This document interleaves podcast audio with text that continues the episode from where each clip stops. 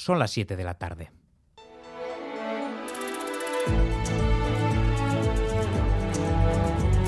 En Radio Euskadi, Gambara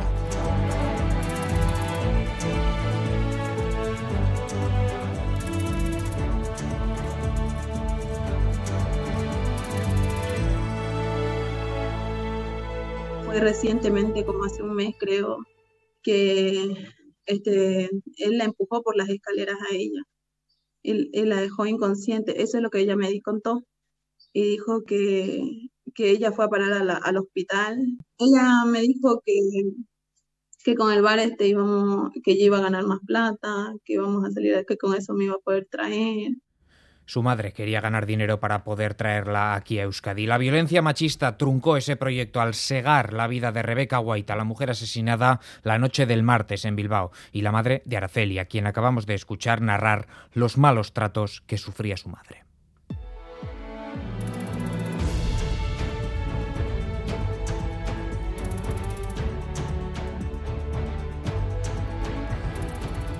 La pareja de Rebeca Guaita, asesino confeso, ha pasado ya a disposición judicial en una jornada en la que la ministra de Justicia, ante el repunte de asesinatos machistas, ha insistido en la necesidad de denunciar Pilar Job. Hay que ayudar a aquellas mujeres que deciden no denunciar.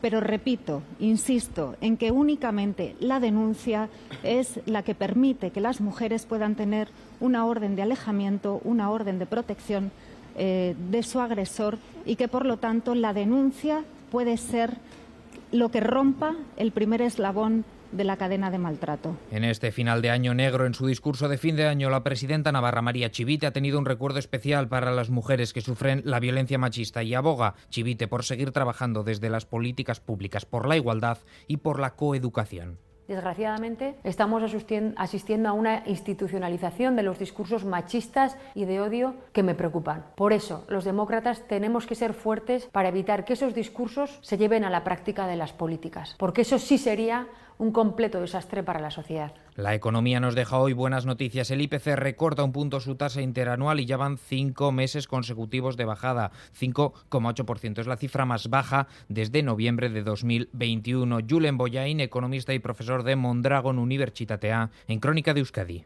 Bueno, indudablemente ha habido un punto de inflexión, ¿no? Y, creo que son noticias muy buenas. El Euribor todavía, pues cada vez va a más y parece que puede ir a más porque el Banco Central Europeo, pues ha dicho que en 2023 también seguirá subiendo tipos de interés.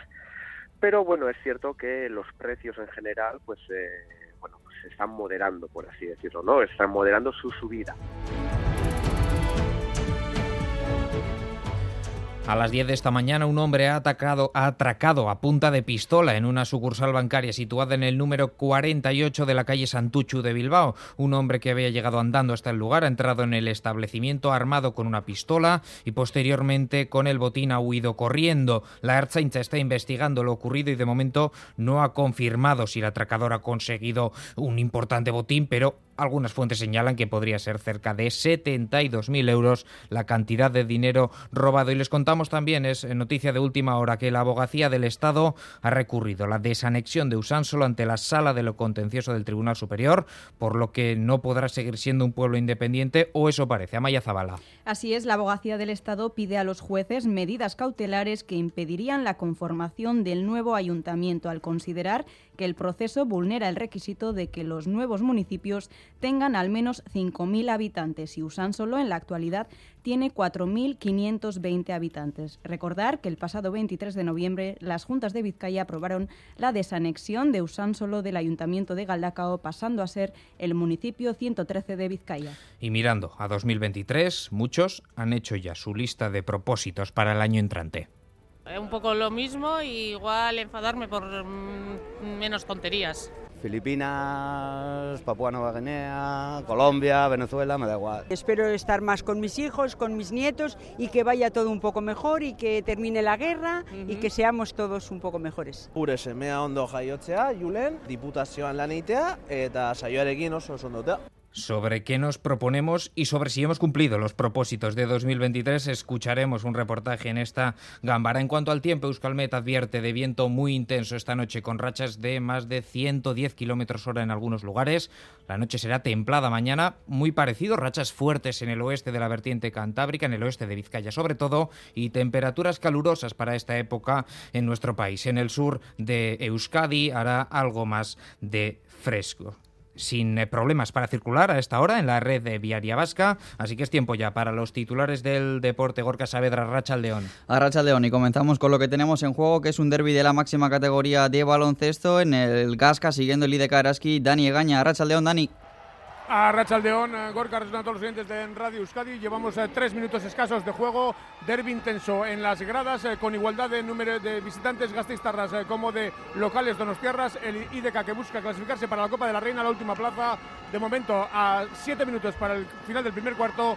7 para IDK, 9 para Araski. Es que ricasco Dani, además también en juego el partido entre Guernica y Jairis, de momento 8 para que finalice el primer cuarto, 4 para Guernica, 2 para Jairis. En el fútbol, la noticia de cara al derby entre Real y Osasuna de mañana es el regreso de Oyarzábal a la lista de Imanol y en los frontones hoy Erquiaga y López disputan la final del individual de cesta en Berriatú, allí en el Vizcaya, Altuna Tolosa, ante Urruti Albisu, sexta jornada del Parejas. Traz a lenha pro fogão, vem fazer armação. Um de sol, de coyo, curtir. Ayer, como todos ustedes ya saben, murió Pelé, o rey Gary Suárez, ha recopilado en la única entrevista que concedió el astro brasileño a Euskal Irrati Televista. El mundo del fútbol y del deporte llora a Pelé, fallecido ayer a los 82 años en Sao Paulo. Entre los infinitos documentos gráficos y sonoros que están viendo la luz estos días, EITV también ha rescatado la única entrevista realizada por esta casa al astro brasileño. Fue en febrero de 1992, poco después de retirarse, a manos de Agustín Benito. En esa charla, Edson Arantes do Nascimento contaba el origen del apodo con el que se hizo mundialmente conocido. Y no sé por qué un niño me llamó de Pelé. Y yo estaba muy, ¿sabes? Muy preocupado porque mi nombre era Edson. Y me enojé con, el muchacho. Dice, no, mi nombre es Edson, ¿por qué me llama Pelé? Yo pensé que esto era alguna cosa mala, algún chiste, algún chiste. Mas nadie sabe por qué. Y agarró Pelé porque yo peleé con los niños. en, en, colegio, dos días suspendido porque peleé con un muchacho. Y todos los niños del colegio empezaron a, a llamar Pelé, Pelé, Pelé, difícil. Y bueno, nadie sabe por qué. Pese a que no le gustaba el mote, el sobrenombre le acompañó hasta el final de sus días. Hablar de Pelé era hablar de un mito, de una leyenda, pero el futbolista dejaba claro que había una persona normal tras esa fachada. Hay dos personas, hay Pelé y Edson. Pelé es el mito que solamente Dios puede explicar la razón, como hay un Pelé es un hombre que ya pasó y ya es más conocido del mito. Ahora, quien siente todos los problemas, quien llora de vez en cuando, que tiene toda la responsabilidad, es Edson. En aquella ocasión el brasileño se animó incluso a hacer un análisis del último partido del Athletic, que acababa de disputar un partido de exhibición ante el Real Madrid. El, primer tiempo fue un partido feo, porque la propuesta del Athletic era jugar atrás, defendiendo, aprovechar los contragolpes. Del segundo tiempo cambiaron un poco porque los goles salieron.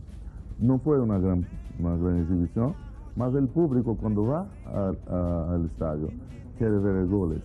Y ahí salieron cinco goles. Efectivamente, cinco goles. Pelé había presenciado un partido en el que el Real Madrid había ganado al Athletic por cinco goles a cero. Con Miguel Ortiz y Maitane Bujedo en el apartado técnico comenzamos.